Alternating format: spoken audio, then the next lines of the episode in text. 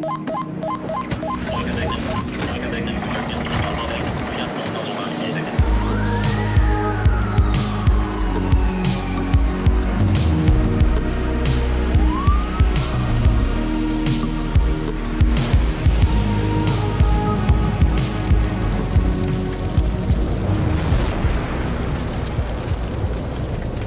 Ja, velkommen tilbake til en ny episode av Brannkast. I dag skal vi snakke om bekymringsmeldinger og samarbeid med andre etater.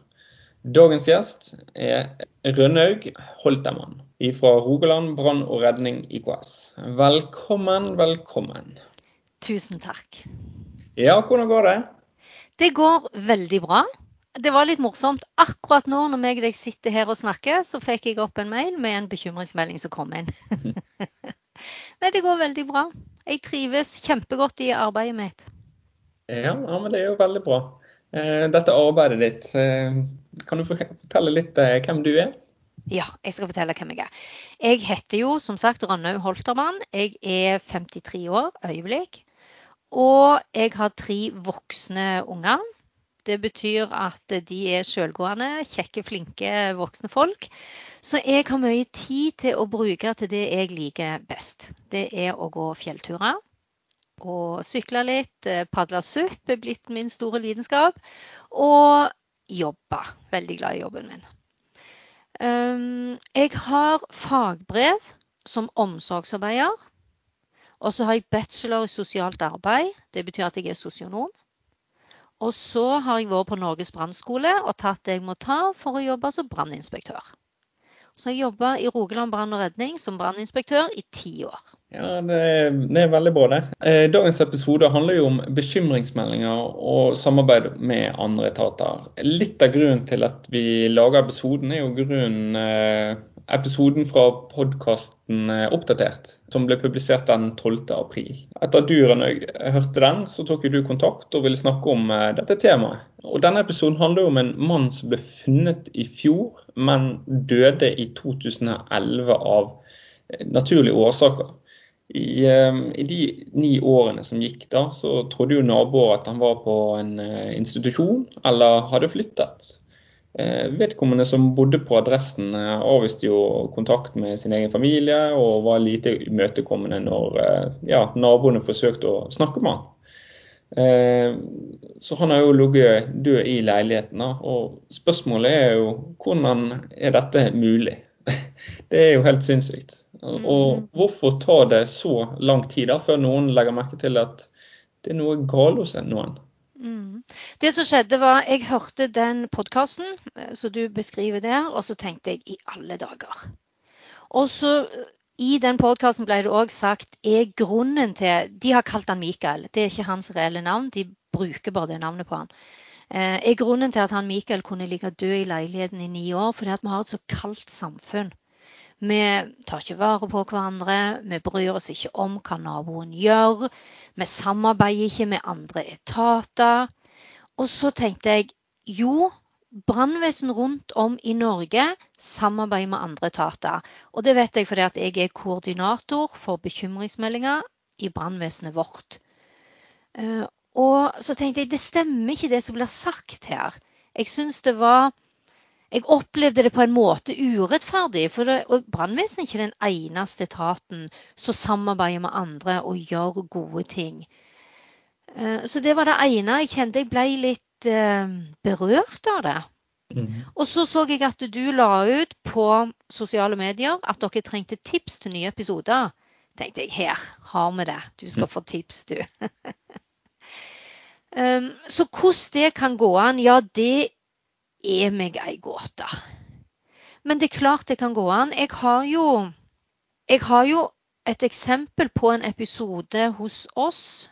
Ja, hva slags eksempel? Vi fikk inn en bekymringsmelding. Dette er et uh, typisk eksempel på en bekymringsmelding som kan komme inn til vårt brannvesen, og som jeg vet kom inn til mange brannvesen rundt om i Norge. Mandag ettermiddag, sånn i tretida, så kommer det en melding fra politiet. Og politiet er en veldig god samarbeidsetat. Vi har et godt samarbeidsklima med de. Vi kan sende meldinger til de, og de sender meldinger til oss. Og da er det en der som jeg har oppnådd en samarbeidsrelasjon med, som ringer til meg og sier du, nå står vi her med en leilighet. Det ser ikke ut. Og jeg tenker at her må brannvesenet ta seg en tur. Så beskriver han situasjonen, og så sender han meg et par bilder. Og det han sender bilder av, er altså ølbokser i en haug på stua som går et par meter oppover veggen. Eh, en kollega av meg som var på stedet senere, beskrev at når han sto på toppen av den haugen, så skalda han opp i taket. Så. Så det som skjer, er at vi får inn en melding om Eller de får da en melding om at det er vannlekkasje. Vaktmesteren ser det renner vann i taket på parkeringsanlegget under denne leiligheten. Han kommer ikke inn. Nøkkelen som han har, masterkeyen han har, passer ikke, så han kommer ikke inn i leiligheten. Og så ringer han til politiet for å få hjelp til å gå inn og skru av vannlekkasjen. Så kommer politiet og bryter opp døra. Og så ser de jo at her kan vi jo ikke gå inn. De kommer seg rett og slett ikke inn. Det er ølbokser og vinkartonger i hele leiligheten. Det er spindelvev, det er fluer, det er edderkopper. Det ser ikke ut. Men vaktmesteren vet at her bor det en person. Mm. Så vil jeg bare skyte inn når jeg forteller dette. Altså, vi, Rogaland brann og redning består av ni eierkommuner. Eh, sånn at dette lar seg ikke gjenkjenne. Vi er jo opptatt av personvern og GDPR. Så det her kan være en av mange hundre tusen innbyggere. Eh, og så ser politiet at det stinker Eh, og vi kommer oss ikke inn. Så ringer han til meg og sier du, jeg aner ikke om det er noen her inne. Jeg kan ikke svare på om det ligger en person på sofaen under alle disse boksene. Vi går ikke inn og begynner, for vi har ikke klær, vi har ikke utstyr med oss til å gå inn her. Og det er jo brannsikkerheten som er første pri. Det er jo derfor vi får melding. Og de sier at vi kan ikke se noe slokkemiddel. Vi ser ingen røykvarslere. Dere må ta dere en tur. Og dette er jo mandag ettermiddag. Og her er jo ikke risikoen så høy for at det skal begynne å brenne i løpet av natta. Så vi vurderer, jeg som koordinator skal da vurdere saken. Er det sånn at vi må ut med en gang, eller kan vi vente til neste dag? Men siden dette er en vannlekkasje, så er det en RVR, er restverdiredning. Så da ringer jeg til 110, og så blir det en restverdiredning og så reiser et vaktlag ut. Og det vaktlaget ringer meg etterpå og sier det er det verste vi har sett. Så her må forebyggende ta tak. Og da vet jeg jo at vaktlaget har vært der. Og de sier det er ikke risiko for at det skal begynne å brenne her i kveld eller i natt. Så da kan vi la situasjonen ligge til neste morgen. Uh, og de ser jo heller ikke røykvarsler eller slokkemiddel eller noen ting. Men det de ser, er at det er melkekartonger og yoghurter rundt kjøleskapet med nyere dato. Så her bor det en person. Og det er en sti til do. Altså dusjen er ikke brukt. Og vask er ikke brukt. Men du ser at toalett og kjøleskap blir brukt. Mm. Så da vet vi at ok, da bor noen her. Og vaktmesteren vet at han sykler, og han ser når sykkelen kommer og sykkelen forsvinner. Så da koordinerer jeg denne saken til to kollegaer som jeg vet er dyktige. For det er viktig at de som får de For vi får jo inn masse bekymringsmeldinger. Nå beskriver jeg en som var heftige, men vi kan få inn en sak som er leie ut kjellerleilighet, usikker på rømningsvei hvor mange røykvarsler skal det være i huset? Eh, nå i sommer får vi inn veldig mye adkomst for brannbilen. Altså det er et stort spekter på de meldingene vi får inn. Mange av de kan løses med en telefon. Mange av de tar med kontakt med et styre i borettslag eller sameie, og så kan styret ta det videre. Så det er et kjempestort spekter på de vi får. Og Branninspektørene hos oss har spisskompetanse på sine områder, og sakene blir delegert til de forskjellige inspektørene som har forskjellig kompetanse på sine områder. Det kan være lagring av gass, og det er veldig mye forskjellig. Men akkurat her så var det viktig at de to som jeg vet er dyktige på dette med samarbeid med mange etater, får saken. Og som er gamle i gamet, for å si det sånn. For det, at, eh, det var noen tøffe inntrykk. Og så reiser disse to ut tirsdag morgen og tar tak i saken da. Og da gjelder det jo å se hvor, hvor er denne personen som bor her? For det som skjedde, var at vaktmesteren hang en lapp på inngangsdøra. Døra ble låst. Altså Politiet blomberte leiligheten, så døra ble låst. Det ble hengt lapp på døra der det sto at ta kontakt med vaktmesteren når du kommer hjem. For dette er jo en person som trenger hjelp. Mm. Og både politiet og oss har sett dette, og når du er offentlig ansatt, så har du plikt til å hjelpe. Så det som da skjer, er at personen kommer hjem, ser denne lappen, eh, blir redde og føler skam. Så det skal vi huske på at mange av de personene vi treffer på når vi går bekymringsmeldinger, de er i en sårbar situasjon. Mm, absolutt. Sånn at vi må behandle de med respekt vi kan godt se og tenke at i alle dager, skulle ikke du ha tatt deg sammen for lenge siden? Men det er ikke sånn det er. Det er ikke sånn det virker. Så vi må behandle dem med respekt. Og vi må møte dem på deres arena. Vi må tenke at nå er jeg inne på din private sfære her. Mm. Eh, men når han kommer hjem til den lappen, så tenker han dette vil ikke jeg ta tak i. Eh, så han bare forsvinner. Så da tar disse to kollegaene mine som er på adressen. De snakker med politiet som var der dagen før og får informasjon. De snakker med vaktmester og får informasjon. De snakker med en nabo og avtaler at hvis han dukker opp, så skal naboen ringe til brannvesenet. For vi vil jo gjerne komme i kontakt med han. Og de ringer til Nav for å få vite om han mottar tjeneste fra Nav. Det gjør han ikke. Ingen har ikke vært i kontakt med Nav på mange mange år. Han hadde vært sykemeldt en gang for ni år siden. noe sånt. Det betyr at han har jobb og fast inntekt. Så sjekker vi er det en privateid leilighet eller en kommunal leilighet. For det er kjempeviktig for oss å vite. Er det en kommunal eid leilighet, så er jobben vår lettere. Mm. For da kan du gå til kommunen og si du som eier har ansvar for er det en privateid leilighet, så må du jo gå til den private eieren og si du som eier har ansvar for. Han eide leiligheten sjøl, så han hadde jo ansvar for å få brannsikkerheten i sin leilighet. Så da snakker de, og så melder de bekymringsmelding til kommuneoverlegen. Kommuneoverlegen melder ifra til fastlegen. Vi vet at politiet melder òg ifra til fastlegen. Så da vet vi at apparatet rundt blir satt i verk. Og så får de vite eh, hvor han jobber. Og så er det vel For her, vi har jo taushetsplikt og meldeplikt òg oppi dette. Det er et helt eget tema, så jeg skal ikke gå inn på det. Men vi har kunnskap, og vi forholder oss til taushetsplikt og meldeplikt. Eh, så politiet de melder ifra til arbeidsgiveren og vi har jevnlig kontakt med politiet. Er det noen som sitter han, er det noen som har funnet han, hvordan ligger det an nå? For alt går ut på å hjelpe. Eh, arbeidsgiver opplyser at han har ikke møtt opp på jobb. Så det som skjer er at han da på torsdagen Husk, vi fikk en melding om vannlekkasje mandag ettermiddag. Det er mm. det vi går til. Og så eskalerer det, og så på torsdagen blir han funnet av en arbeidskollega. Ganske godt uh, forkommen og veldig full på en benk i en park.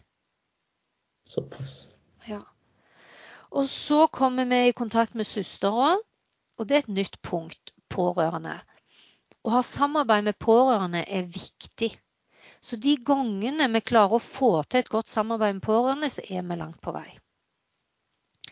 Søstera har ikke eh, hva skal jeg si, kapasitet. Altså søstera har ikke egne ressurser til å gå inn og hjelpe han.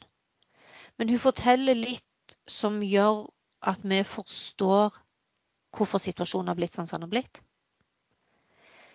Eh, han er jo i en ekstremt sårbar situasjon. Men kommuneoverlegen tar da grep og sørger for at han blir lagt inn på syk. Så disse to branninspektørene jobber altså i fire dager med denne saken og er i kontakt med samarbeidsparter. Og får kontakt med denne mannen. Etter han blir funnet på torsdag, så får de en dialog med han, de får snakke med han og sier vi vil bare hjelpe. Leiligheten din må ryddes. Den må saneres. Og så er det jo dette med røykvarsler og slokkemiddel og rømningsveier og de vanlige mm. brannsikkerhetstiltakene som skal være på plass. Og du som eier av leiligheten har plikt for at dette er til stede. Eh, og så får vi lov å hjelpe. For disse to kollegaene de er jo dyktige, så de kommer i dialog med han. Han blir lagt inn, han får hjelp. Eh, og de kom i dialog med han. Og så har vi òg noe Noen kommuner hos oss har en type arbeidsgruppe der det er mennesker som er på arbeidstrening. De har en arbeidsleder som er fast ansatt, og så er det mennesker som har arbeidstrening under Nav. De som er på denne arbeidstreninga, de hjelper brannvesenet å rydde ut av leiligheter. Sånn at denne arbeidsgruppa kom og rydda denne leiligheten. Og det er jo et fantastisk arbeid de gjør, altså. Det er jo helt enestående. For hvis ikke så må jo de som eier leiligheten betale utryddingen sjøl. Mm. Og det kan jo fort koste noen tusen. Sikkert ikke de har mulighet heller. Nei.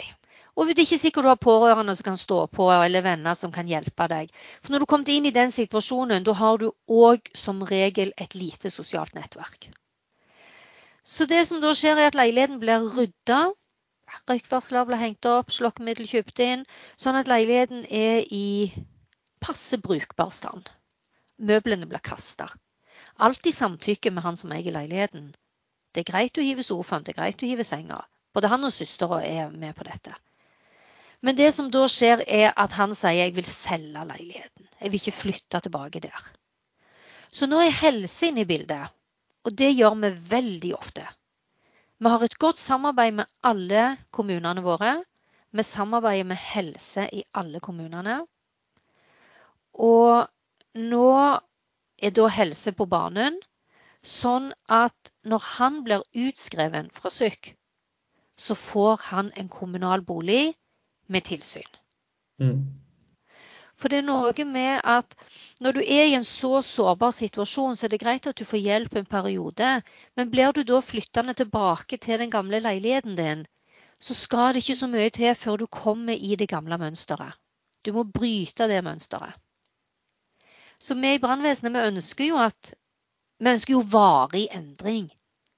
Vi, vi, bruker ikke masse tid og ressurser på disse bekymringsmeldingene fordi at vi har lyst til å gjøre det samme om en måned. Vi jobber jo for å få til varige endringer. Og det gjør vi på alle plan. De som tar en telefon til de som leier ut masse leiligheter, eller de som jobber med lagring av farlig stoff, eller uansett hva vi jobber med, så ønsker vi å få til en varig endring. Og det ønsker vi jo her òg. Så det endte med at leiligheten ble lagt ut for salg, og han fikk seg en kommunal bolig med tilsyn. Og alle hjerter gledet seg. Så bra. Vet du hvordan det har gått med han videre, da? eller? Nei, jeg vet ikke det. Jeg gjør ikke det. Men de to kollegene mine som var i kontakt med han, de kan godt eh, Kjenner jeg de rett, så har de nok en dialog. Så det er nok sånn at de kan stikke innom og si hei, hei, hvordan går det med deg nå? Ja, og det er jo veldig fint. Ja. Det er jo ikke ofte at vi får vite hvordan det går med de vi hjelper, da. I, eh, nei, nei. Sånn, generelt, da. Men uh, det er jo lov å håpe. Det er jo det. Ja. Mm.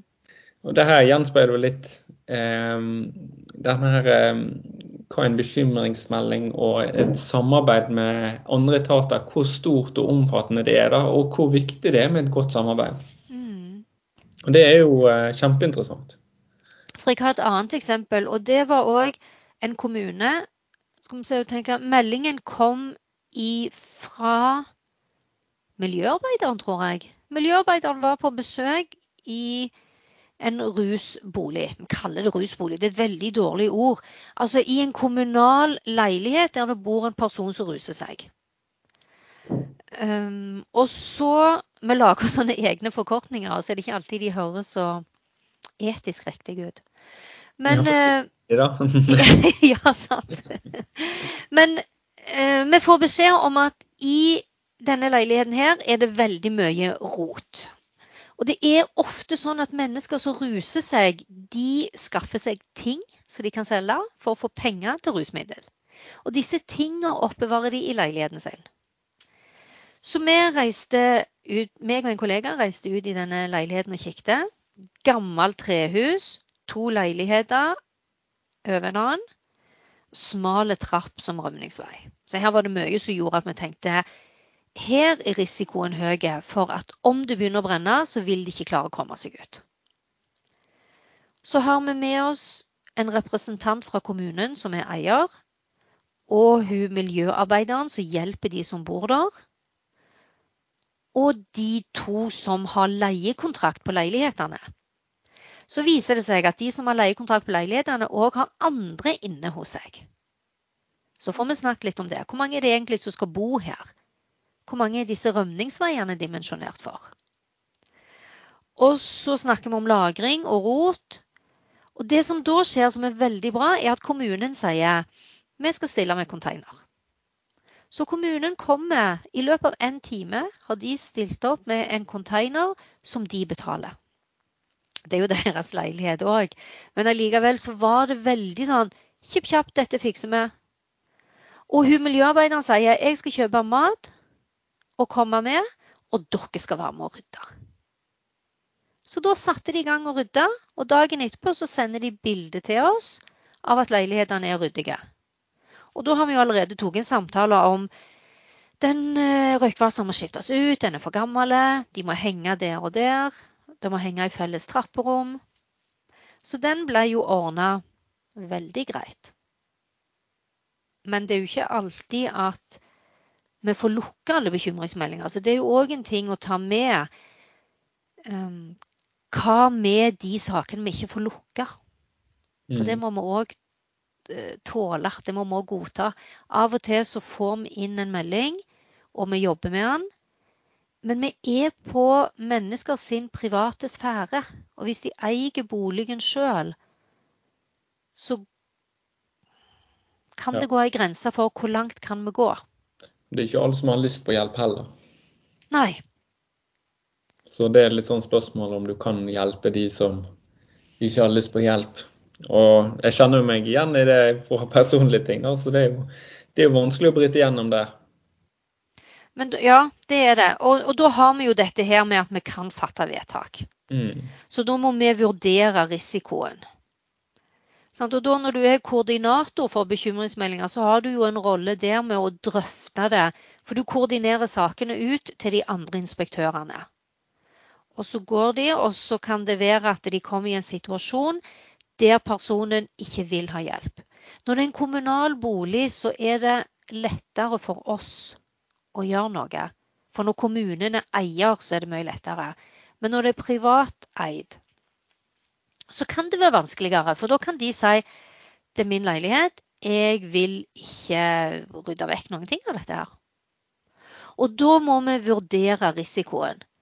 Er risikoen her så høy at vi skal fatte et vedtak?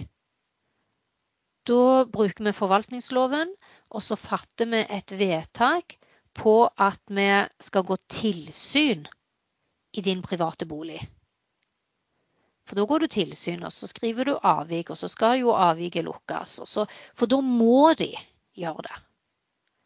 Men det, men, men det skal jo noe til. Du, du går jo tilsyn inne på andre folk sitt private område, da. Men hvis risikoen er så høy at det er fare for tap av menneskeliv, eller er, du utsetter andre for fare, eller vi ser at hvis det begynner å brenne, så vil ikke du klare å komme deg ut, så kan vi gjøre det. Og Du kan òg fatte vedtak og stenge bolig. Ja, hva skjer da? Da er jo òg samarbeid med andre etater enormt viktig. Si at, vi, si at vi får en bekymringsmelding som er sånn uh, type um, Nabo bekymra for rømningsveier i, denne, i naboleiligheten. Så vi vet ikke hva vi kommer til. Så kommer du der, og så ser du dette er ikke greit. Her er det veldig mye rot, søppel. Eh, personen som bor der, røyker inne. Ja, det kan være mange ting som gjør at brannrisikoen er så høy at vi ser at denne boligen kan ikke folk bo i nå. Du kan ikke sove her i natt. Så høy er risikoen. Da kan vi fatte et enkeltvedtak muntlig på stedet, og så sender du det skriftlig med en gang du kommer tilbake på kontoret. Og det har jo vi egne prosedyrer på. Mm. Da, Hvem sender du det til? Altså til vedkommende? Eier. Eier. Ja. Den som har grunnbokshjemmel på gårds- og bruksnummeret. Ja. Veldig viktig at vi finner ut av det. Vi går på gårds- og bruksnummer. Uh, og så Det som da skjer, er at vi kaster jo ingen på gata. Det gjør vi jo ikke i Norge. Vi er jo en offentlig etat. Vi sier jo ikke det var litt trist for deg, så nå får du bare sove på fortauet i natt. så da har vi jo selvfølgelig eh, samarbeid med andre etater, og da må jeg jo nevne ja-lista vår. Vi har ei ja-liste. På den lista står alle personene som er lette, greie, enkle å samarbeide med. Og det er ikke sikkert at det er øverste leder i hver etat. Sånn at eh, vi samarbeider jo med eh, arbeidstilsyn, eh, DLE, det lokale eltilsyn, politi, helse. Altså, jeg har en lang, lang rekke. Flyktningseksjonene. Vi, vi har lagd oss et sånt hjul. Vi har masse, masse, masse. Uh, og på den lista så står disse personene. Så det som da skjer, er at vi tar en telefon og sørger for at denne personen blir ivaretatt. Hvis personen mottar tjeneste fra helse, så ringer vi de og sier hva vi gjør. Nå må denne personen få hjelp fra dere øyeblikkelig. Eller Nav de har noe som heter bostedsløs konsulent. Da ringer vi til de og sier nå er det en person her som må ha en plass å bo. Og så må leiligheten ryddes, saneres, fikses, og brannsikringstiltakene må på plass før den blir åpna, sånn at personen kan flytte inn igjen. Ja, okay. men, nå, men, nå, snakker jeg jo om de tyngste, da. Husk at vi får inn masse, masse, masse. Altså Den som kom inn nettopp, det var Hei, brannbilen kom ikke forbi, kan dere ta dere en tur?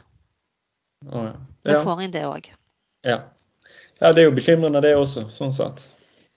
Det er jo litt kjedelig å stå der og ikke komme seg forbi, eller må skrape opp hele bilen for at du skal tvinge deg gjennom. Ja, så det er veldig viktig å få fram at eh, det, de eksemplene jeg bruker nå, de bruker jeg for å vise dette med samarbeid med andre etater, hvordan vi kan flette det inn.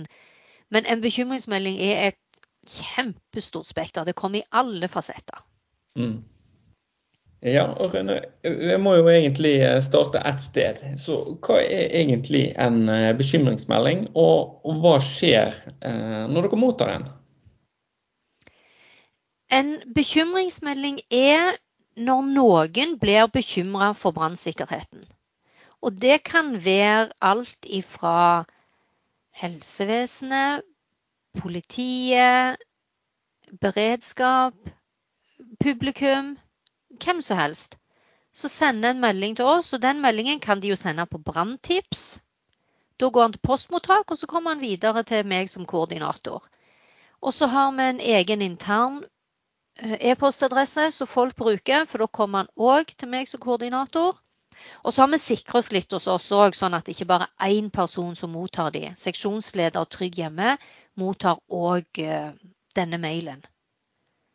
For det plutselig så skjer det noe, så ingen bekymringsmeldinger skal glippe hos oss.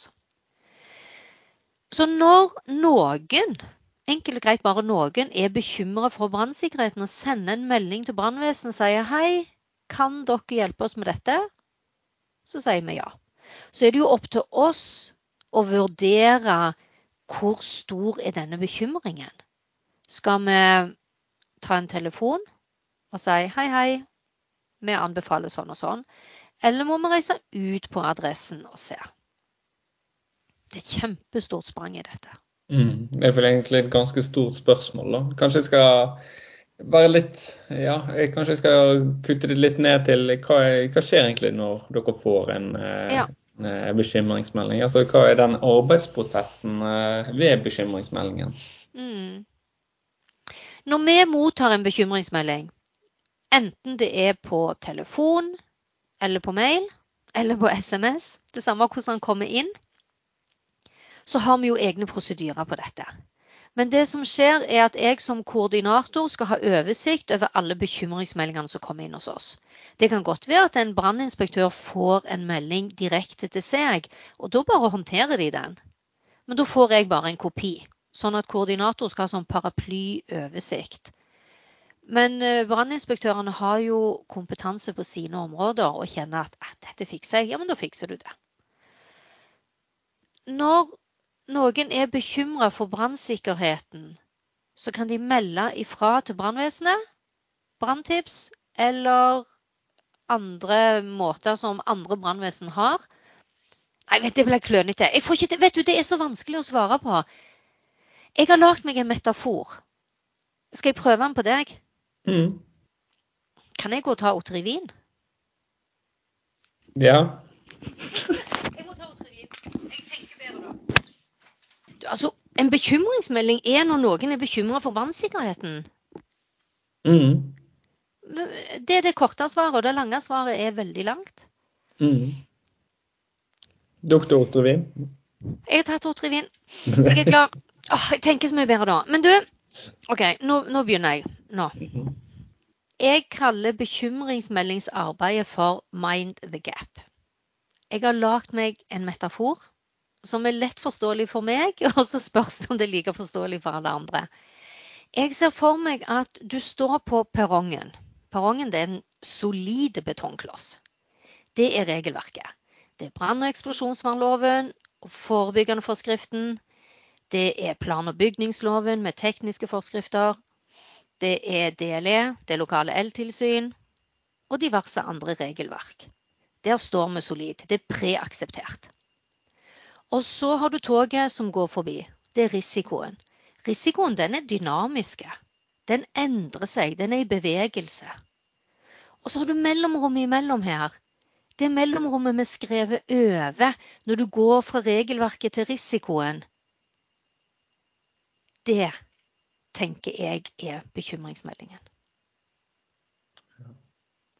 Det er kanskje ikke så lett forståelig for alle andre. For meg er det veldig lett forståelig. Ja, men jeg forsto deg. Sånn tenker jeg en bekymringsmelding er. Og når folk er bekymra for det svære gapet der, de må skrive for høyt mellom det som er solid og godt forankra i regelverket, til risikoen, så sender de en melding til brannvesenet. De ringer til oss, eller de sender en mail, eller de går inn på branntips. Og så får vi den. Og så tenker vi hm, skal vi ta en telefon og si du, bare sånn og sånn, så er det fiksa? Eller skal vi ringe til styret i dette borettslaget og veilede de litt? Eller må vi faktisk reise ut og ta affære? For det at vi skal dempe risikoen. Alt er risikobasert. Vi vil ha ned risikoen. Mm, absolutt. Men altså for, at, for, å lage en bekymringsmelding, så må jo det være bekymringsverdig. Mm -hmm. Det er, alle, det er jo ikke alle forhold som er det. Altså, hva er det dere ser på som er ordentlig bekymringsverdig? Da? Eller hva er egentlig bekymringsverdig, rett og slett?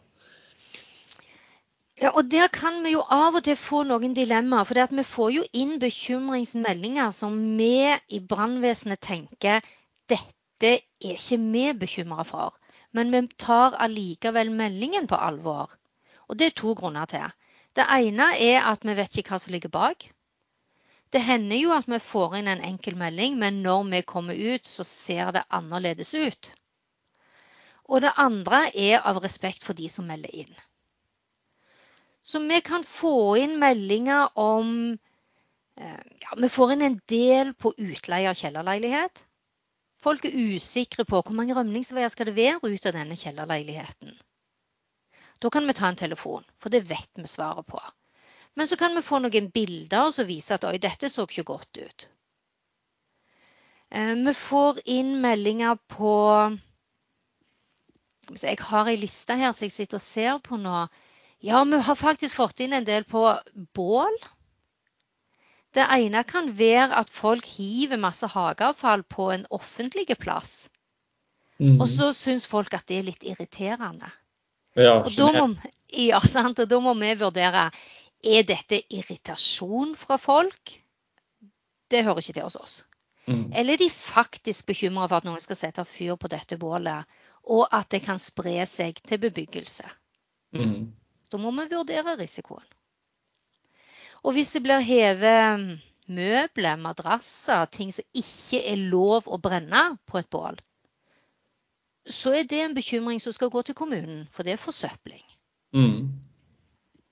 Jeg tror det altså Med bålmeldinger og sånn, så jeg tror det er mange som er litt sånn usikre om det er lov å brenne i hagen. Og så er det forskjellig fra kommune til kommune om det er totalforbud hele året. Mm, ja. er sjenerende, og om det er for Ja. nært folk og sånn som det. er. Så det er jo Det kan jo være greit å ta en telefon. Eh, Ja. Sikker, sant? Helt klart. Og så får vi meldinger f.eks. fra folk som er ute og ser at oi, her er rømningsveien stengt. Det kan være på et kjøpesenter eller en stor butikk, og så er vare plassert foran rømningsveien. Så sender de melding til oss for det. Og da tar vi kontakt med eier av butikken. Da kan vi jo, det er klart Nå under pandemien så har vi vært mindre ute. Da kan vi sitte inne på kontoret vårt og ta en telefon, si vi har fått denne meldingen, det, det må dere fikse, og så sender de bilde til oss når det er i orden. Men noe må vi reise ut på, og da reiser vi ut. Eh, Jeg fikk en eh, SMS med et bilde. Det var en som var på Hva skal jeg kalle det? Jeg kaller det en pleieinstitusjon. Ja. Og det var rømningsvei som var stengt, med masse rullestoler. Og da tar vi telefonen, og så må de ordne opp i det. Men det som ligger bak, er jo internkontroll og interne rutiner. Så når vi får en bekymringsmelding, hvis det er en privat bolig, så blir det koordinert til en av de andre branninspektørene. Hvis det er et særskilt brannobjekt, et paragraf 13-objekt, så blir den koordinert til den inspektøren som har ansvaret for det objektet. Mm. For vi vil jo ha en varig endring. Vi vil jo ikke at dette skal skje om igjen og om igjen. Så da blir det kanskje tatt opp på neste tilsyn. Mm. Kanskje noe de må ta med i sin risikovurdering. Jeg Har dere faste folk på, på, på de forskjellige objektene? Ja. Sånn at man kan se hele løpet, da? Ja. Ja, det. Mm, det har vi, og det har vi full oversikt over. Og så får vi inn fra hjemmetjenesten får vi noen meldinger. Nå har jeg vært hjemme hos den og den, og det, jeg ser at skulle det begynne å brenne, så kommer ikke hun eller han seg ut. Kan dere komme og ta en kikk? Og da er det jo en del tilleggsvarsling som de kan ha. Så det er viktig at vi har kunnskap om det. F.eks. når brannalarmen går, eller når røykvarsleren går, så ligger det en vibrasjon under puta, sånn at hele puta rister. Det kan være en tilleggsvarsling. ja, for det er jo ikke alle som kan høre røykvarsleren. Nei, stemmer. Så det er veldig mye forskjellig. Meldingene er forskjellige. øh, Folk er forskjellige. Det er Ja, her ser jeg jo en vi fikk. Det var en båtforening. Og det var fordi at det lå en båt der som det bodde folk i. står ingenting i regelverket om at det ikke er lov å bo i en båt. Sant? Så da må vi begynne å skille. Hmm, er det fordi at du er irriterte på de som bor i den båten? Vil du ikke ha det så nærme hytta di? Er det faktisk brannsikkerheten du er bekymra for? Så vi må, ja, vi må være menneskelige, vi må bruke kommunikasjon. Ja, det er jo sikkert mange sånne festbremser også som eh, liker å lage litt eh, Lage litt drama. Ja. Så ser jeg oppbevaring av bensin i bod. Lagring av stoler i trappeoppgang. Masse forskjellig. Men når dere får disse her bekymringsmeldingene, altså, og så kommer dere ut, da. Eh, hva ser dere etter, eller hva skal man egentlig se etter når du kommer eh, til disse her eh, bekymrings, altså, disse bekymringsmeldingene? Du har jo nevnt noe av det her, da, men er det noe mer som på en måte vi bør se etter? Altså, er det mangel på røykvarsler, eh, slukkeapparat, er det alarmer som Ja, altså, hva er det vi skal se etter? Mm. Det er jo litt morsomt når du spør om det. For det, det første jeg kommer på da, er Jeg jobber i to seksjoner. Jeg jobber i seksjon Trygg hjemme og i seksjon tilsyn. Men alle, hos oss så går alle bekymringsmeldinger. Og så videresendte jeg en melding til to kollegaer som jobber i seksjon tilsyn. Det betyr at de jobber ikke så mye med Trygg hjemme. Uh, og da eh, fikk Jeg møtte meg sjøl i døra. For det at mm. vi som jobber mye med Trygg hjemme, vi vet hva vi skal se etter.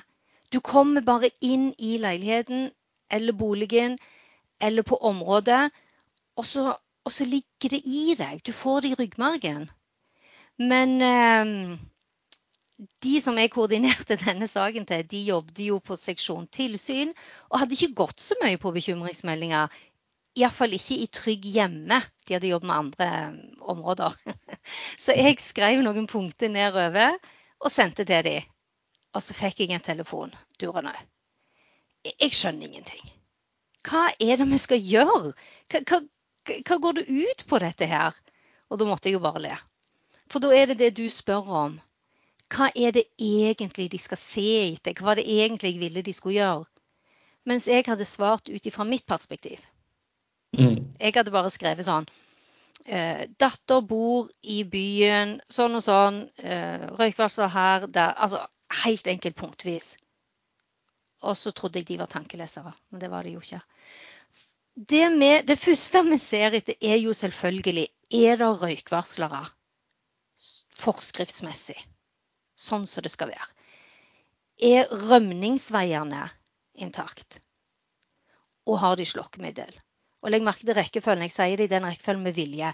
Først tidlig varsling, det er det viktigste. Mm. Så rømningsveiene. Og så slokking til slutt. For det som nå viser seg, er at 20% av de som omkom i brann, kunne ha overlevd hvis de ikke hadde prøvd å slokke. Såpass. Så derfor sier jeg rømning før slokking. Dette er Markus Runefors sin forskning fra Sverige.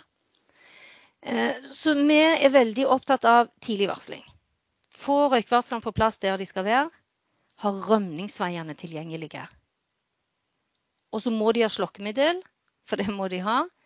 Men det er viktig at du kommer deg ut enn at du prøver å slokke. Mm. Iallfall når vi snakker om risikogrupper. Meg og deg, vi kan ta et slokkemiddel og prøve å slokke. Så det vi ser etter, er jo Risikoen for uh, tap av menneskeliv.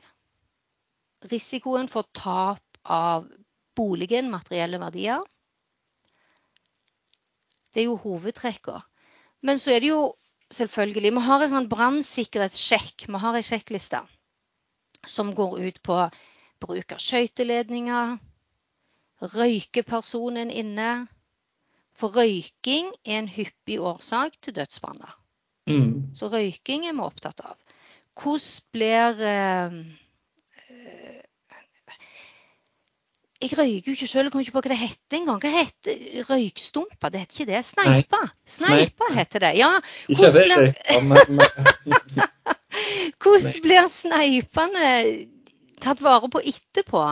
Av og til så ser vi jo de blir hevende i sofaen og på gulvet og rundt på bordet.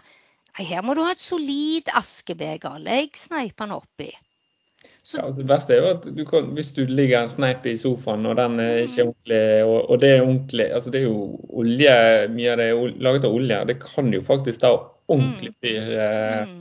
bare med en liten sneip. da, så det er jo bekymringsfullt. Og den skumplassen som er i sofaen, så har giftig gass.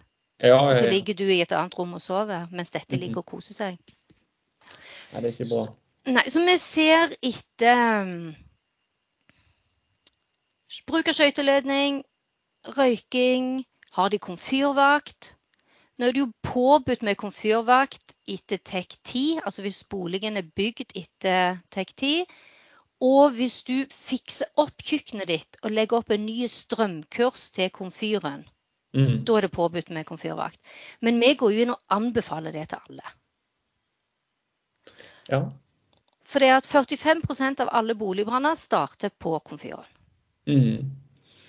Men det er jo litt interessant. Jeg, eh, jeg, jeg eh, har jo fikset en eh, komfyrvakt til min mormor. Og hun får jo røykvarslene til å gå Eller før da, så fikk hun røykvarslene til å gå kanskje én til to ganger i uken. Sant? Fordi hun Mhm. driver og styrte og stelte. Hun var jo så fjern, da. Eller hun er fjern. Hun er nå ikke død ennå, da. Så nei, det var noe helt sinnssykt. Og så forklarte jo dette her til min hjemkommune i Bergen, da. Mm. Og da kom de på dagen. Jeg forklarte hvordan tingene var. Og det var jo litt sånn spesielt for min egen del. For de skjønte jo hvor alvorlig det var, men ingen andre skjønte rundt liksom at wow, dette her er jo faktisk ikke bra i det hele tatt. Håndtert på dagen. Kjempegreit. Ja. Og etter det så Men nå er hun bare egentlig bare forbanna, fordi at eh, vakten eh, av henne hele tiden.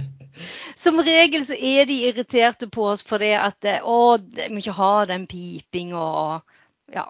Men nå er det noen få personer hos oss som har ansvaret for å montere disse komfyrvaktene. Mm. Så når vi får inn telefoner på at å, nå virker det ikke, eller vi er så irriterte på den pipinga, så er det de samme personene som reiser ut på disse adressene og sier ja, men nå var jeg hos deg og monterte den, og da husker du vi snakket om det og det. Så blir det fulgt opp på en veldig god måte. Ja. Mm. Er det noe annet? Eh, eh, Unnskyld. Ja, nei, jeg bare tenkte, Er vi ferdige på hva vi ser etter? Vi ser etter risikomomenter som kan føre til brann. Ja, absolutt. Eh, og jeg, jeg bor jo her i Tromsø i en eh, utleieleilighet, og jeg spurte jo han eh, eieren av leiligheten om han hadde sjekket røykvarslene og brannslukningsapparatet når han eh, flyttet inn. Nei, da jeg flyttet inn. Mm. Så sa han ja, ja, ja. Eh, og da tenkte jeg ja, da trenger ikke jeg å sjekke det. Men så har vi en røykvarsler her. Ja. Uten batteri. Den går ut neste år, da. Testet. Og den bare piper. Uansett om den eh, Men du, kan du holde den opp en gang til, så jeg får se er den uten pute òg? eh, Den er uten pute, ja. Ja, den er ikke lovlig. Den er tatt av markedet, så den skal du ikke henge opp igjen. Nei. Ja, men Nei. Det er jo eh, bra at vi eh, minner på. Og så bare et lite øyeblikk, så skal du få se. Ja. Og så spurte jeg han ja, hvor har du, um, hvor har du brannslukningsapparatet ditt. Og da sa han ja, um, jeg ligger på vaskerommet. Så går jeg på vaskerommet, da, og så, så, så går, kommer jeg tilbake og så sier jeg, det ligger ingenting på vaskerommet. Og så sier han ja, da er jeg litt usikker på hvor han er. Um, da er han um, sikkert i gangen, da. Så tenker jeg du må jo vite hvor han er hvis det skal eh, skje noe. Og så sier jeg ja, det er jo rett. Og så sier jeg du bør jo ha den lett tilgjengelig i hvert fall. Sant? Kanskje du skulle hatt den på rommet, f.eks. Sant? Mm. Og så finner jeg den. Ser du hva som mangler? Ja, splinten mangler. Nei, slangen! Du har ikke slange på den! Herlighet. ja. Så spør jeg han, eh, så fant jeg eh, slukkeapparatet. Så um, spør jeg han ja, hvordan har du tenkt å bruke denne, da? Og så sier han eh, nei, jeg drar nå ut pinnen, jeg, og så skyter jeg. Og så bare ja, men eh, hva skal du sikte med, da? Ja. Og, så, og så sier han oi, eh, den må vi montere. Ja. Det er bekymringsverdig. Det er bekymringsverdig. Så hvis du da hadde vært en eh, student som skulle leie en leilighet i mitt, vårt distrikt, Mm. så kunne du sendt en melding på Branntips. Så hadde den kommet til Rogaland brann og redning sitt postmottak. Og så hadde den kommet videre til meg som koordinator. Mm. Og så kunne jeg valgt å sendt den meldingen til en branninspektør, som da jeg vet er god på akkurat det området. Eh, kunne enten komme på besøk til deg, komme an på hvor smitterisikoen er, eller ringt til deg. Og her er det jo helt tydelig. Det er eier sitt ansvar å kjøpe brannslukningsapparat. Skum 6 liter 21A eller pulver 6 kilo. Mm. Og så anbefaler vi jo et brannteppe på kjøkken og de her små slokkeboksene. Det er anbefalinger. Det er ikke i tillegg. Jo, altså, det er ikke istedenfor, men det er i tillegg. Ja. Det er i tillegg. Det er ikke istedenfor. Uh, og så eh, røykvarsler. Den uten pute er tatt av markedet. Den ligger på farligeprodukter.no. Kan du gå inn og se. Så Mm. den må du kaste. Ikke henge den opp igjen. Nei, men da, da må jeg Jeg har faktisk tenkt å fikse det her i dag. Det er bare noe som ble Ja. før, jeg, eh, før helgen, da. Og så vil vi jo anbefale eieren å ha seriekobling i hele huset. Mm. Skulle de begynne å brenne nede hos deg, så må jo de oppe få rask beskjed. Altså det er klart Brannen sprer seg jo fortere oppover enn nedover, men det er allikevel greit at du får rask beskjed hvis de begynner å brenne oppe. Mm. Og det kan jo være de som er, vekk, de som er oppe, er vekke. sant? Og så Ja. får de denne beskjeden om at her brenner det. Stemmer. Og det er jo ikke, det er jo ikke all lyd som går rett gjennom, og du merker Nei. med det første. Nei. Ofte så har jeg jo merket at fra min tid da, i 110 at folk har liksom gått forbi huset, så har de hørt Mm. piping. Mm, Da har de ringt, da. Det er litt sånn vanskelig å ja, det er, Av og til så er det snakk om tilfeldigheter før vi faktisk blir varslet. Mm, mm. Og ja. Så da, det ville vært svaret på en sånn type bekymringsmelding. Og da ville vi jo anbefalt huseieren å ha seriekobling. Men Mm. det er ikke påbudt. Og regelverket er, har jo ikke tilbakevirkende kraft. Så dette huset er jo bygd før 2017. Mm. Sant? Hadde det vært bygd etter TEK 17, så hadde du hatt seriekobling i huset. Og du hadde hatt røykvarsler som var tilkobla strømnettet på huset. For det ligger i kravet. Men eh, vi kan ikke gå inn og så si du, vi vil at du skal oppgradere etter TEK 17. For det at du har ikke tilbakevirkende kraft. Nei, dessverre. Ja. Nei, men du kan jo fortsatt Det er mye du, Altså, det gamle systemet vil jo også fungere bra. Um, ja da, absolutt. Så lenge du på en måte tar vare på det og tar det på alvor, da. Ja. Og det vi- syns jeg eh, det er ikke alle som gjør, da. Det Nei, det er ikke alle som gjør. Og så snakker vi da Studenter har vi jo òg et eget opplegg på. For det er veldig mange studenter som leier seg billige boliger. Og da er det ikke alltid at de er i god stand heller. Nei. Det er synd. Det er utrolig synd at det ikke blir tatt på alvor. Ja, Og du vet jo at det er de her studentene, spesielt i starten av eh, Mm. studien, da, eh, studiet med fadderuke, og så er det Ja, pizza, sant? da ja, hei hvor det går. stemmer det. Eh, en annen ting som jeg har lyst til å si, er at vi har aksjoner med, i sammen med kommunene. Det går under bekymringsmeldingsarbeidet vårt. For det at vi ønsker jo å få ned risikoen i de boligene som vi går mest bekymringsmeldinger på. Og det er kommunale boliger. Vi går jo selvfølgelig i private boliger òg, men det er kommunale boliger som har de fleste bekymringsmeldingene. Så da har vi aksjoner fast. Vi har en kommune vi har det fast med en gang i året. Og så er det andre kommuner som vi nå holder på å planlegge med. Da er det rus- og psykiatriteamet i kommunen som har en miljøarbeider i sammen med to branninspektører. Og så er det de som lager liste over adresser, og så går vi i sammen. Så sist så hadde vi ei uke der vi gikk i 170 leiligheter. Eller jeg kan si boliger, for alt var ikke bare leiligheter. Vi gikk i 170 boliger på ei uke. Og det vi gjorde da fast, var at vi monterte en varmevarsler på alle kjøkken. Det, det bare gikk vi inn og gjorde. Og så tok vi jo selvfølgelig en sikkerhetssjekk på resten av boligen. Og det er klart at det er veldig bra å få inn bekymringsmeldinger. Vi får inn i snitt 400 i året. Men et drømmescenario hadde jo vært at vi klarte å skape såpass varig endring at tallet på bekymringsmeldinger gikk ned. Men tallet må jo ikke gå ned på bekostning av at folk nå bare slutter å melde. All bekymring må jo komme inn. Men hvis atferdsendringen hadde blitt sånn at brannsikkerheten hadde blitt ivaretatt, og dermed ble bekymringen mindre, så hadde det jo vært veldig bra. mm. Ja, det er sant. Og så En annen ting er jo òg at det er noen Jeg nevnte det tidligere, det er noen meldinger vi ikke får lukka. Eh, vi hadde en melding som kom inn. En enkeltsak. Det var en innbygger. Aner ikke hva relasjon innbyggeren hadde til den som den meldte om. Meldte på branntips. Eh, hei, er bekymra for Og så får vi opp adresse. Det, så står det beboeren isolerer seg mer og mer, har søppel inne i leiligheten og søppel på terrassen. Så tenker jeg at ja, men disse meldingene får vi jo veldig mange av. Så det første jeg da sjekker, er jeg ringer hjemmetjenesten og spør om denne personen mottar tjeneste fra de. For hjemmetjenesten skal jo òg risikovurdere sine brukere. Så her kan vi jo samsnakke litt.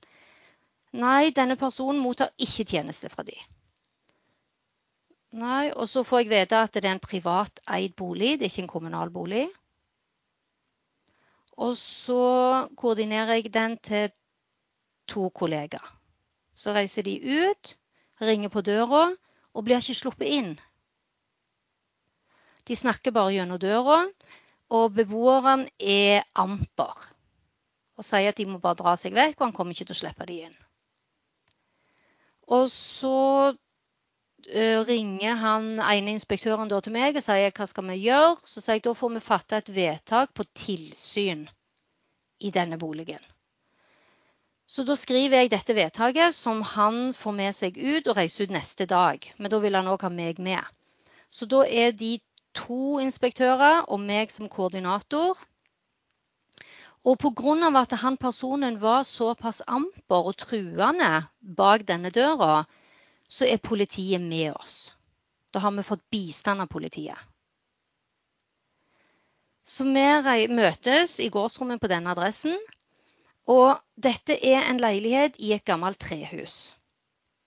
Mm. Så da vet vi at her bor det mange andre i samme hus, og det er felles trapperom. Og så uh, stiller han ene politien seg sånn at han kan se inn kjøkkenvinduet.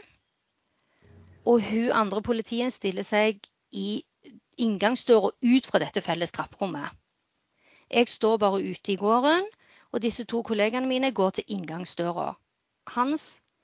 Han bor i første etasje. Eh, og ringer på og snakker med han gjennom døra. Og er sånn Dra deg vekk, og jeg vil ikke slippe deg inn, og du får ikke komme inn, og sånn. Og vi vet jo ikke om han har røykvarsler inne engang. For det vi er blitt fortalt, er at dette er et lite sameie. De har hengt opp røykvarslere i dette felles trapperommet, men de har han pleid å ta ned. Oh, ja. Og da kan vi tenke at kanskje han har tatt de ned inni seg sjøl òg. Sannsynligvis. Ja. Så sier han politien som står ute i gårdsrommet og ser inn kjøkkenvinduet, trekk dere vekk fra døra, han truer meg med kniv. Så da kommer de to kollegene mine ut, så vi tre står ute i gårdsrommet. Eh, og han, eh, politien prøver å oppnå kontakt med han, snakker rolig til han. Bare ta det med ro, vi skal ikke gjøre deg noe. Vi skal bare se på brannsikkerheten i leiligheten. de er jo dyktige på dette. De kan dette. Og hun mm. politidama er på samband med sine folk hele tida. Så de rådfører seg. Hva skal vi gjøre nå? Så går det ei lita stund. Så kommer han med et slagvåpen som han truer med. Vi holder oss vekke fra vinduet. Mm. Så sier han politien at eh, nå truer vi med slagvåpen.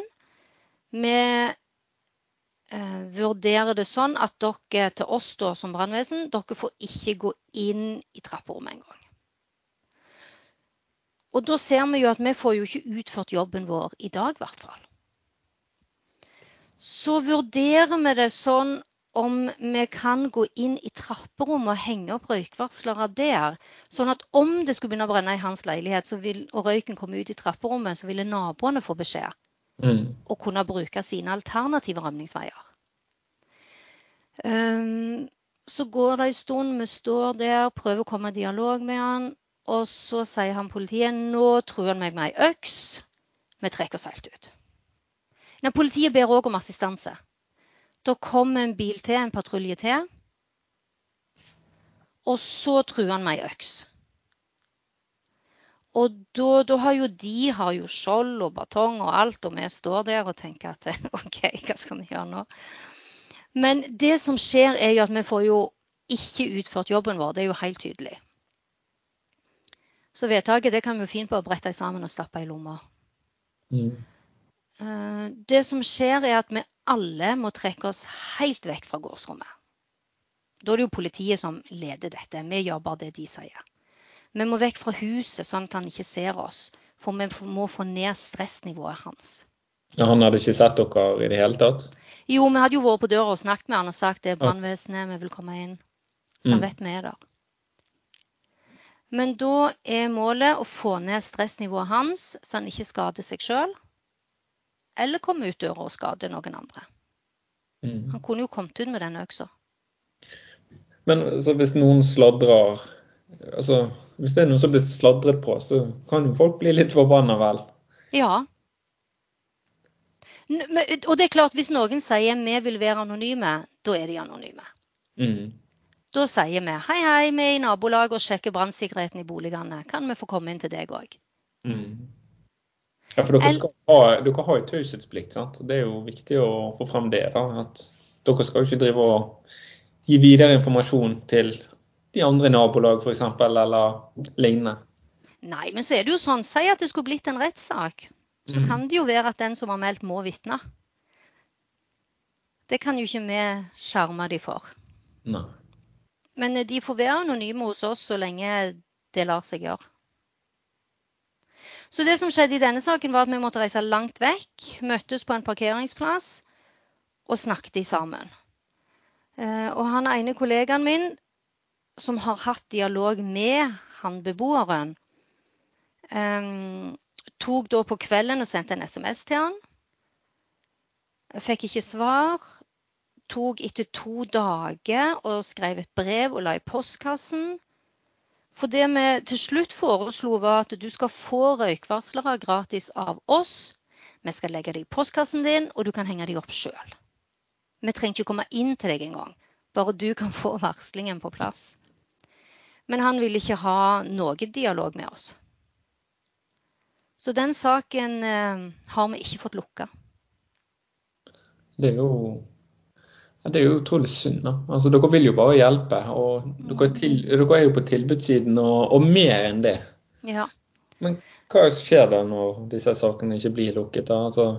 Nei, Det som vi blir aller mest opptatt av nå, det er jo at naboene har sin brannsikkerhet i orden. Ja. Så da har vi hatt brannsikkerhetssjekk i de andre leilighetene i samme huset. Det er hengt opp røykvarsler på toppen av trapperommet i håp om at han ikke går opp der og ser det og tar den ned. Så vi har ivaretatt brannsikkerheten i naboleilighetene. Og så um, er det jo sendt bekymringsmelding på han, for det er jo tydelig psykiatri. Så vi har sendt bekymringsmelding videre til kommunelegen.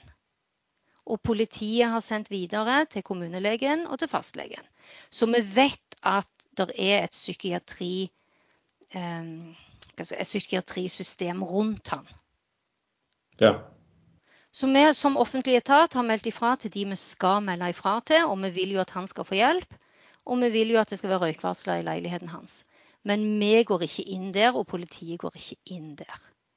Men så er vi jo i dialog med politiet, sånn at hvis de kommer seg inn til han på et vis, så kan vi gi røykvarsler til politiet, så kan de henge de opp.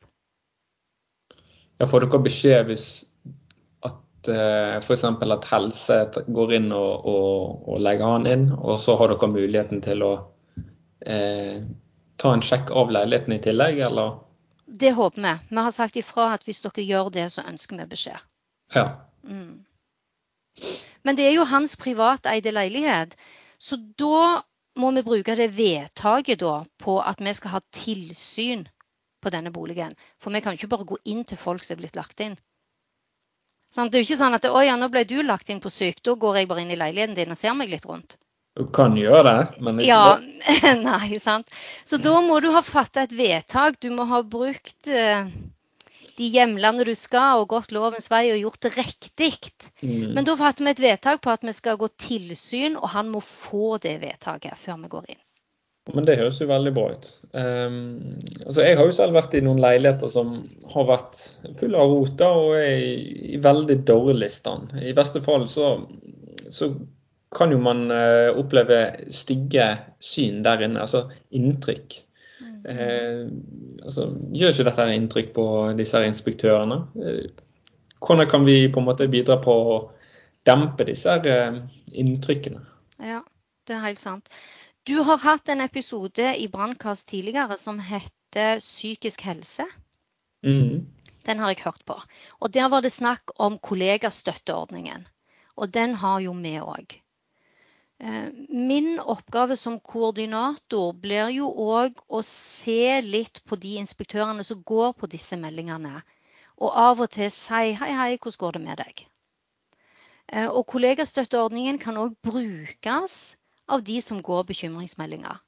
Så hvis du har vært en plass og fått noen inntrykk som er ganske tøffe, og som du kjenner at åh, dette var litt heavy for meg, denne satte seg litt, så kan kollegastøtteordningen brukes. Hvis jeg ser at det er noen som syns det er tungt, eller jeg tenker at dette var tungt, men du, det viser ikke på deg, så kan jeg si du husk at vi har kollegastøtteordningen. Mm. Jeg har Eh, begynt å kalle inn til noe som jeg kaller for arbeidsgruppemøter. De som går mye på bekymringsmeldinger, kaller jeg inn hver 14. dag. Vi har møttes på Teams nå, da. Eh, og det er et sånn dynamisk møte. Folk er ut og inn. Hvis du har hatt mange meldinger i det siste, ja, men så er du med. Hvis du kjenner at dette har jeg lyst til å være med på, ja, men da er du velkommen. Eller noen sier du, jeg føler ikke jeg har noe med å bidra med her. Jeg ser ikke hvorfor jeg skal være med. Nei, nei, men da avslår du. Og på de møtene så diskuterer vi fag.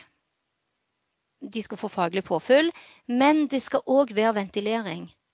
Der mm. skal det være mulighet for å si åh, den saken jeg var ute på, det var sånn og sånn.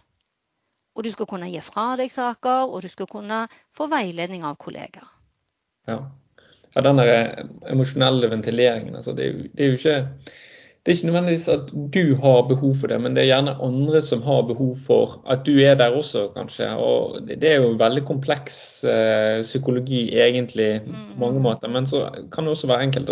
Så det er jo Altså, hva skal man si? Altså, det, er, det, det, er, viktig at man bruker muligheten av og til. Det vil nå i hvert fall jeg si. da. Støtte hverandre opp og kan på en måte bidra til at andre kan lufte ut, selv om ikke du har noe. da. Mm, mm. Og er jo gjerne sammen om det. Kanskje din partner ikke har mm. fått den samme responsen som du hadde. Kanskje det kan være greit å på en måte dempe disse her eh, stressordene ved å dra dit. da. Så jeg vil i hvert fall anbefale å, å bidra da, til denne psykiske helsen i disse møtene. Jeg spurte den ene kollegaen min hvordan går det med deg? Ja, mm. hva mener du? Nei, nå har du vært på noen tøffe saker. Ja, men det går bra, det går bra.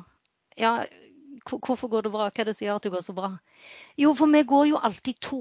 Vi sitter jo mm. alltid og snakker sammen i bilen på vei tilbake. tenkte jeg, Det var et godt poeng. Det skal jeg huske å ta med. Så det er ennå Vi går jo to av HMS-grunner. Eh, og det er mange grunner til at vi skal gå to, men blant annet da har du noen å ventilere med etterpå. Mm. Ja, ja, det er undervurdert. Altså, ha det laget eh, rundt deg, sånn at du har den tryggheten. da. Og Hvis du mm. står alene i det, står, altså, ta, må ta krigen alene, det, det, er fint. Og det tror jeg er en veldig fin instruks av dere, å ha to. Mm. En eh, dykkepartner. Ja. Men jeg tror jo at det er viktig at inntrykk Altså at vi må ha respekt for hverandre. da, At inntrykk kan um, det kan faktisk Vi kan respondere på forskjellige måter. Da. Det er jo ikke sikkert at du eh, reagerer på samme måte som meg, og det må vi faktisk ha respekt for. Og Det er vanskelig å se, og det er vanskelig, vanskelig å rett og slett gjenkjenne at her, eh, her er det noen som sliter av og til. Og det, det er viktig å kjenne hverandre. Da. Det, og det blir man, man blir jo kjent etter hvert. da. Selvfølgelig. Men, uh, og da er det viktig å se disse alarmerende denne alarmerende oppførselen. Mm. Det som er veldig bra med kollegastøtteordningen Nå er vi et stort brannvesen, sånn at kollegastøtteordningsgruppa er ganske stor. Og hvis du ønsker å snakke med de, så kan du si hvem du ønsker å snakke med. Der er det menn, der er det damer, der er det de som er ganske unge, og der er det de som er godt voksne. Og det tror jeg er veldig bra. For det er Mm. viktig å ha en god relasjon til de du snakker med, for at du skal oppleve at dette hjelper meg. Eh, Og når du sier det du sier nå, så kommer jeg på noe. Jeg er jo sosionom, i tillegg til å være branninspektør. Jeg opplever sjøl at det er en veldig god kombinasjon, men jeg vet jo at det er noen på jobb hos meg som av og til tenkte at oh, det blir litt mye følelser her. Så vi måtte ramme det inn til at jeg kun fikk lov å spørre om følelser på tirsdagen. Så hver tirsdag så hadde vi sosionomtimen. Da fikk jeg lov å spørre disse mannlige kollegaene mine om hvordan de føler det. Hva føler du i dag, og hvordan har du det? Og, og da stilte jeg spørsmål, altså. Da var det eh, Gir du kompliment til kona di? Og hvordan, altså, da gikk jeg rett og slett på dypt, da. Og så fikk jeg stille spørsmål, og så svarte de, og så var det ferdig. Hvis jeg kom på en onsdag og spurte hvordan har du det Nei, nei, nei, ikke prøv deg, Rønnaug. Det er ikke sosionomtirsdag i dag. og det var litt humor rundt det, men så var det litt alvor i det òg. For det er, vi er forskjellige på dette med følelser. Mm. Noen syns det er lett å snakke om, og noen syns det er vanskelig å snakke om. Og noen ser lett om noen har det vanskelig, og noen ser det ikke i det hele. Så dette med ventilering er veldig viktig. Og det kan godt være at det er noen som går bekymringsmeldinger som syns at åh, nå er det tungt, og så klarer ikke jeg å fange det opp. Og da håper jeg at noen andre fanger det opp. Ja, ja, det er viktig at vi snakker om følelser, og at vi ikke blir eh, hva skal man si, underventilerte. Ja, ja. ja, det er det, altså. For til slutt så kan det bli sånn at du får vondt i magen og gruer deg til å gå på jobb. Mm. Og det har vi ikke lyst til. Ja, og Du sitter der på jobb og så sliter du sånn mentalt. Altså, det, det, det kan være tungt. Altså, du Mm. trives ikke i det. Du, på det verste så kan du sitte der og holde på å bryte sammen, men du skal på en måte ha et tøft ansikt. og Det er jo litt den der mannskulturen vi har hatt, eller har i brannvesenet. at Det kan jo være en, rett og slett en indre justis på at tøffe gutter gråter ikke. og Det er Mm. eksempler på det i brannvesenet. Mm. Her blir ikke vi tatt vare på. Og Mm. sånn som det, der. Så det er jo viktig at vi tar litt ansvar og åpner oss opp, rett og slett. Og ikke for mye. Eller jo, du kan jo Det, det er jo et definisjonsspørsmål. Hva er for mye? ja, ja, ja. Men eh, nei, det er jo det er viktig at vi på en måte tar vare på denne psykiske helsen. Og det er jo litt derfor jeg lagde den episoden med, Mm. med Stein Yttereng om psykisk helse. Og så har jeg også laget en episode med hun Heidi Wittrup eh, da. Mm. Så snakker vi om eh, hva som skjer etter eh, vi har vært på disse hendelsene. Ja. Hva som skjer og hva vi bør gjøre. og ja, Det er viktig å Ja, det er jo en hel episode i seg sjøl, så ja. Mm. ja. Så jeg anbefaler folk å høre ja, i hvert fall, Sånn at dere kan prøve å forstå litt hva jeg mener. Ja, folk må høre på de. Eh, For når du går på bekymringsmeldinger, så blir du eksponert for lukter og lyder og syn og eh, Jeg tenker Jeg syns han var så enormt god, han ene kollegaen som jeg gikk med da. Da kom vi inn i en eh, bolig. Til, og da hadde vi heldigvis en miljøarbeider med oss som kjenner personen. Og det var ei dame som var veldig rusa. Kan du bruke ordet veldig rusa. Um, og hun lå i senga og sov, og så vidt glippa med øynene når vi kom. Og så så vi at hun hadde tent stearinlys inne på soverommet sitt. Hun hadde varma opp stoffet inne på soverommet. Og for det, om det ikke er påbudt med røykvarsler på soverommet, så vurderte vi risikoen til at det bør være her. Så han, for å rekke opp til taket, så måtte han stå i senga hennes. Så hun ligger i senga hinsides i rus, og han må stå i den senga for å henge opp røykvarsleren i taket hos henne. Og det, bare det synet syns jeg var sånn åh, gud, nå er du god, altså.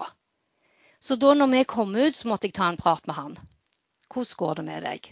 Dette er jo inntrykk som fester seg selv om det ikke oppleves traumatisk idet du gjør det. Mm.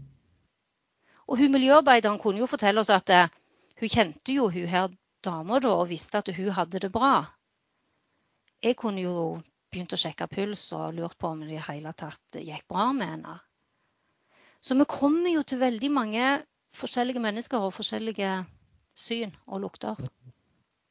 Ja, det med lukt er jo litt interessant, for det er jo noen som driver og eh, De tar f.eks. tigerbalsam, da. Jeg har hørt det. Ja.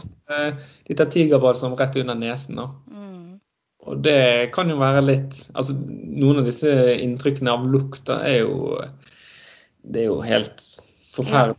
Men samtidig, så hvis du tar på tigerbalsam under nesen, da, så, så kan du jo få inntrykk neste gang f.eks. du skal spille fotball eller Mm. skal smøre beinet ditt da med Ja. Ja. Så jeg har egentlig ikke noen løsning på det, da, men eh, det er jo eh, Ja, det er jo Ja, det er et lite problem. Ja. ja, så det er dette her med Ja, jeg stiller disse spørsmålene. Hei, hvordan går det med deg? Og de som syns det er litt ubehagelig å snakke om følelser, de får òg disse spørsmålene. Jeg tror det er viktig. Og brannvesenet er jo en mannsdominert arbeidsplass. Det kommer vi jo ikke vekk ifra. Og at menn og kvinner er forskjellige, det er sånn naturen har skapt oss. Mm.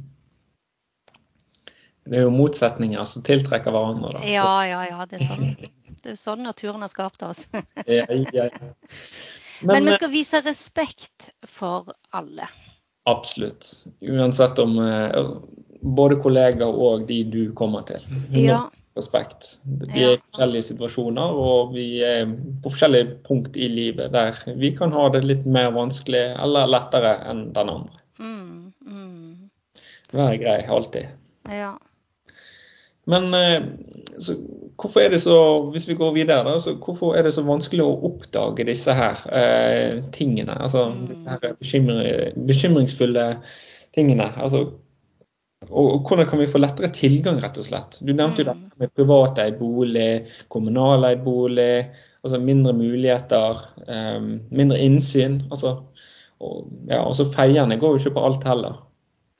Nei, feierne går jo på boliger med ildsted. Og det er klart at eh, når de går boligtilsyn, eller om de skal feie, de ser jo ting da òg, så klart hvis de blir bekymra, så melder jo de òg ifra til koordinator for bekymringsmeldinger. Det er jo kjempebra.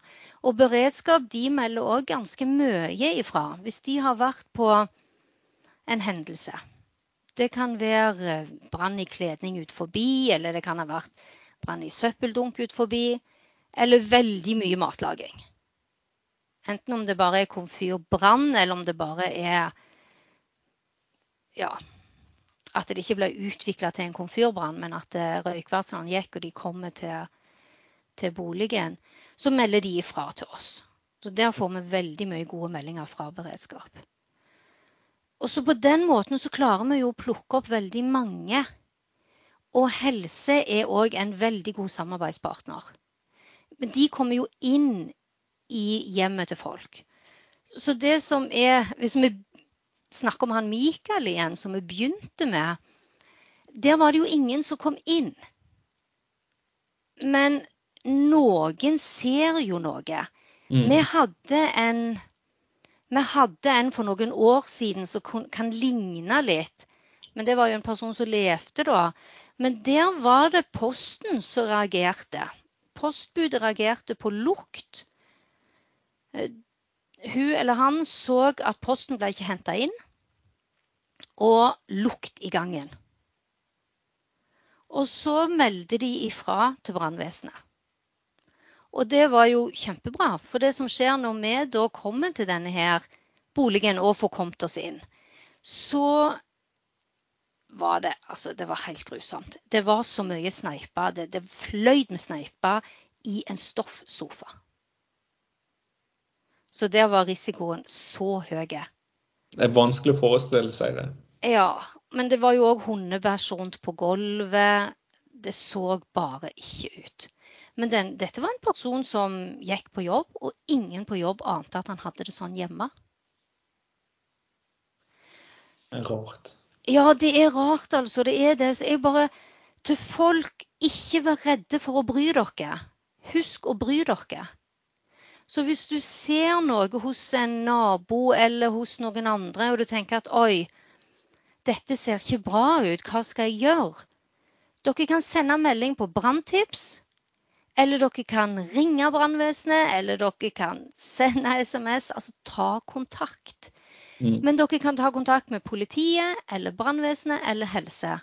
Vi har kontakt med hverandre.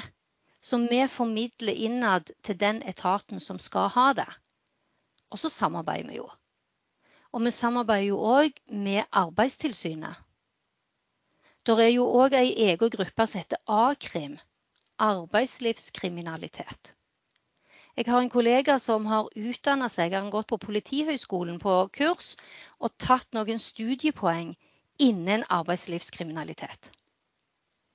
Eh, Og da er det jo ei egen gruppe. Det er Arbeidstilsynet som styrer det arbeidet. Og så er brannvesenet en del av den gruppa. Ja, vi vet jo at det er mye arbeidslivskriminalitet som fører til sosial dumping. Og hva boliger bor de i? Sant? De blir stua inn. De kan bo altså, Det er jo helt forferdelig. Vi har jo sett 13 bilvaskere bo på et rom med seks senger. For Fordi de jobber og sover om en annen. Der er det ikke røykvarsler. Der er det ikke rømningsveier. Ja. ja. Det kan vi Men godt ta. Men Rønnaug, eh, kommunale eiendommer, eh, der er det jo lettere innga- eh, tilgang da, i forhold til det du sa i sted.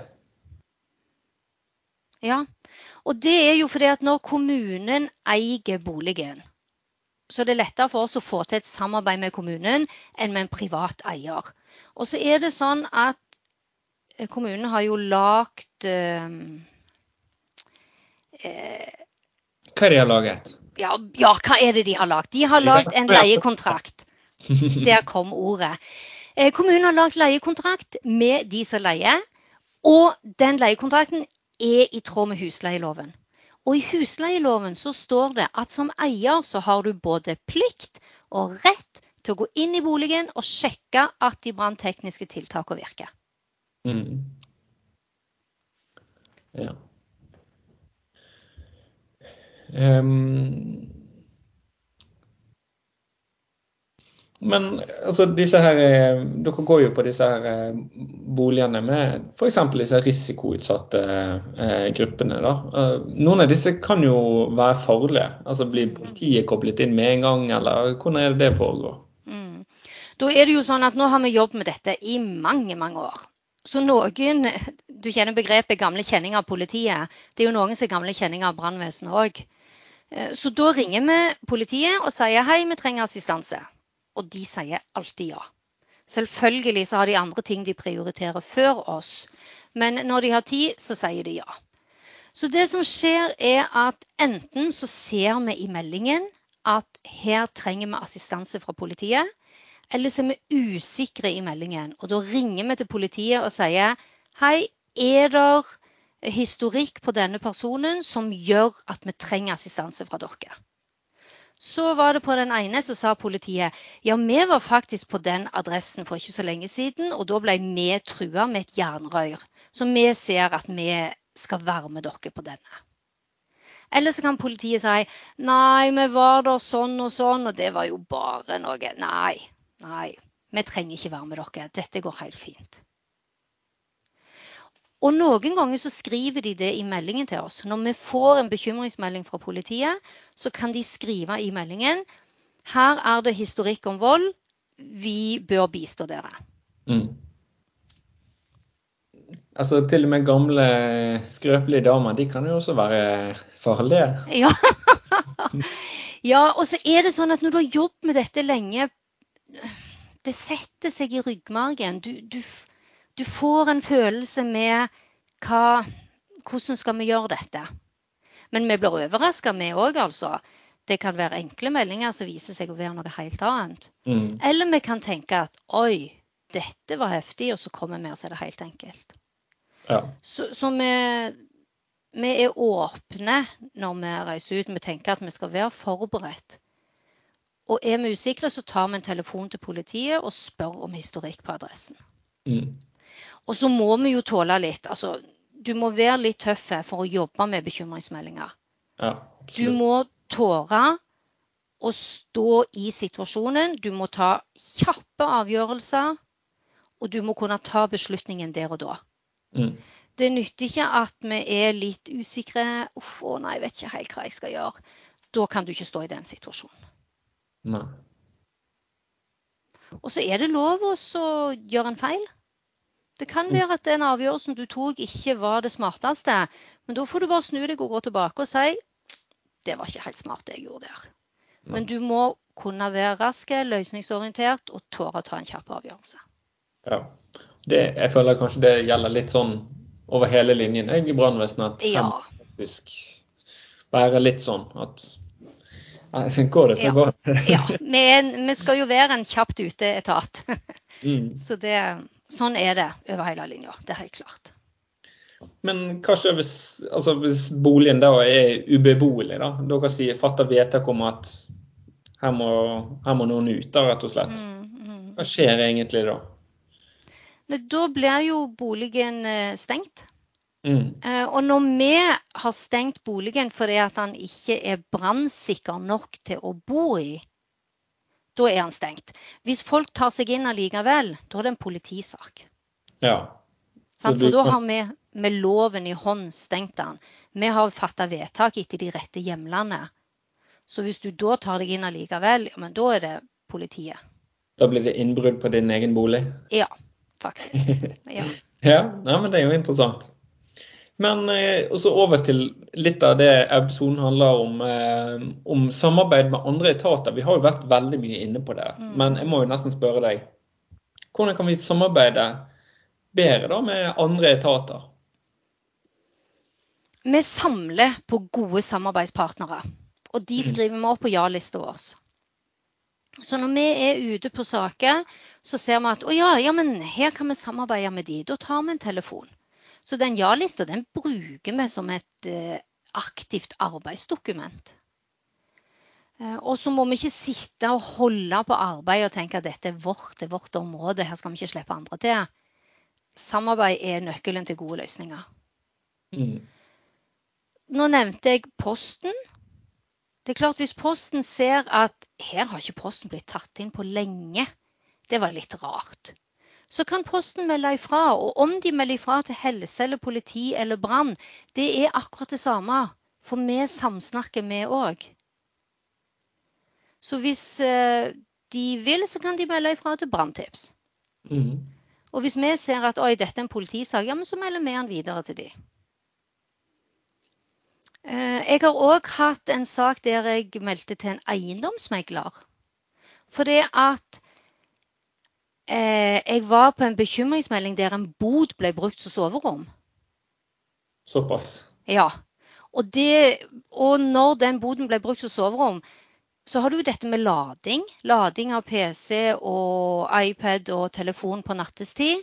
Skulle du da begynne å brenne på natta i den boden, så stengte det rømningsveien for leiligheten bak. Og så ble denne leiligheten lagt ut for salg, der eiendomsmegleren skrev at det er et ekstra soverom i boden. Da ringte jeg til den eiendomsmegleren og sa er du klar over hva du gjør? Det er, den er ikke regulert til soverom, den boden. Det er ulovlig. Mm. Og da ringer jeg til byggesak. Vi har jo òg samarbeid med byggesak. Og han i byggesak sier du, jeg ringer til han samme jeg òg. Han skal få det fra meg òg. Han ringte til samme eiendomsmegleren og sa hei, det er fra byggesak. Det er ulovlig, det der. Vi får eh, bekymringsmeldinger fra rørleggere, elektrikerfirma. De er jo inne i leilighetene til folk. Byggesak, DLE, Mattilsynet. Og vi har samarbeid med barnevernet, viktig å si. ja. Er vi inne en plass og ser at her bor det barn, og her bør ikke barn være, så melder vi til barnevernet. ja. Ja, Og hvis beredskap er en plass og ser at her bor det barn, eh, og dette ser ikke bra ut, så kontakter de meg som koordinator, og så melder vi til barnevernet.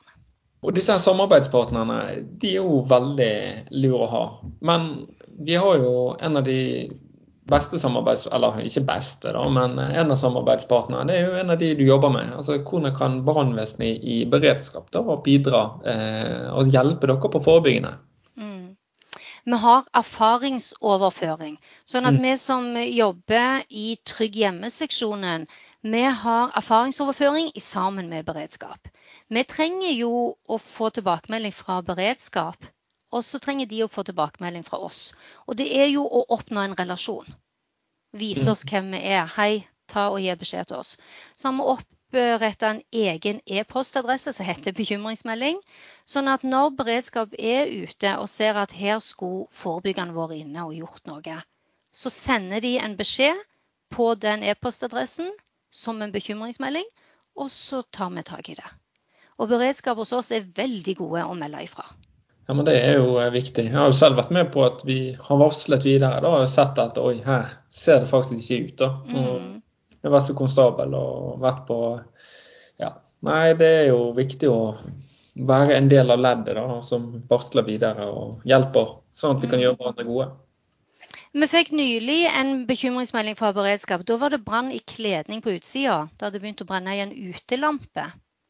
Mm. Eh, men de så De ser jo ute at det ser rodete ut, og så så de inn vinduene at her ser det ikke branntrygt ut. Og så sender de det som en bekymringsmelding. Ja.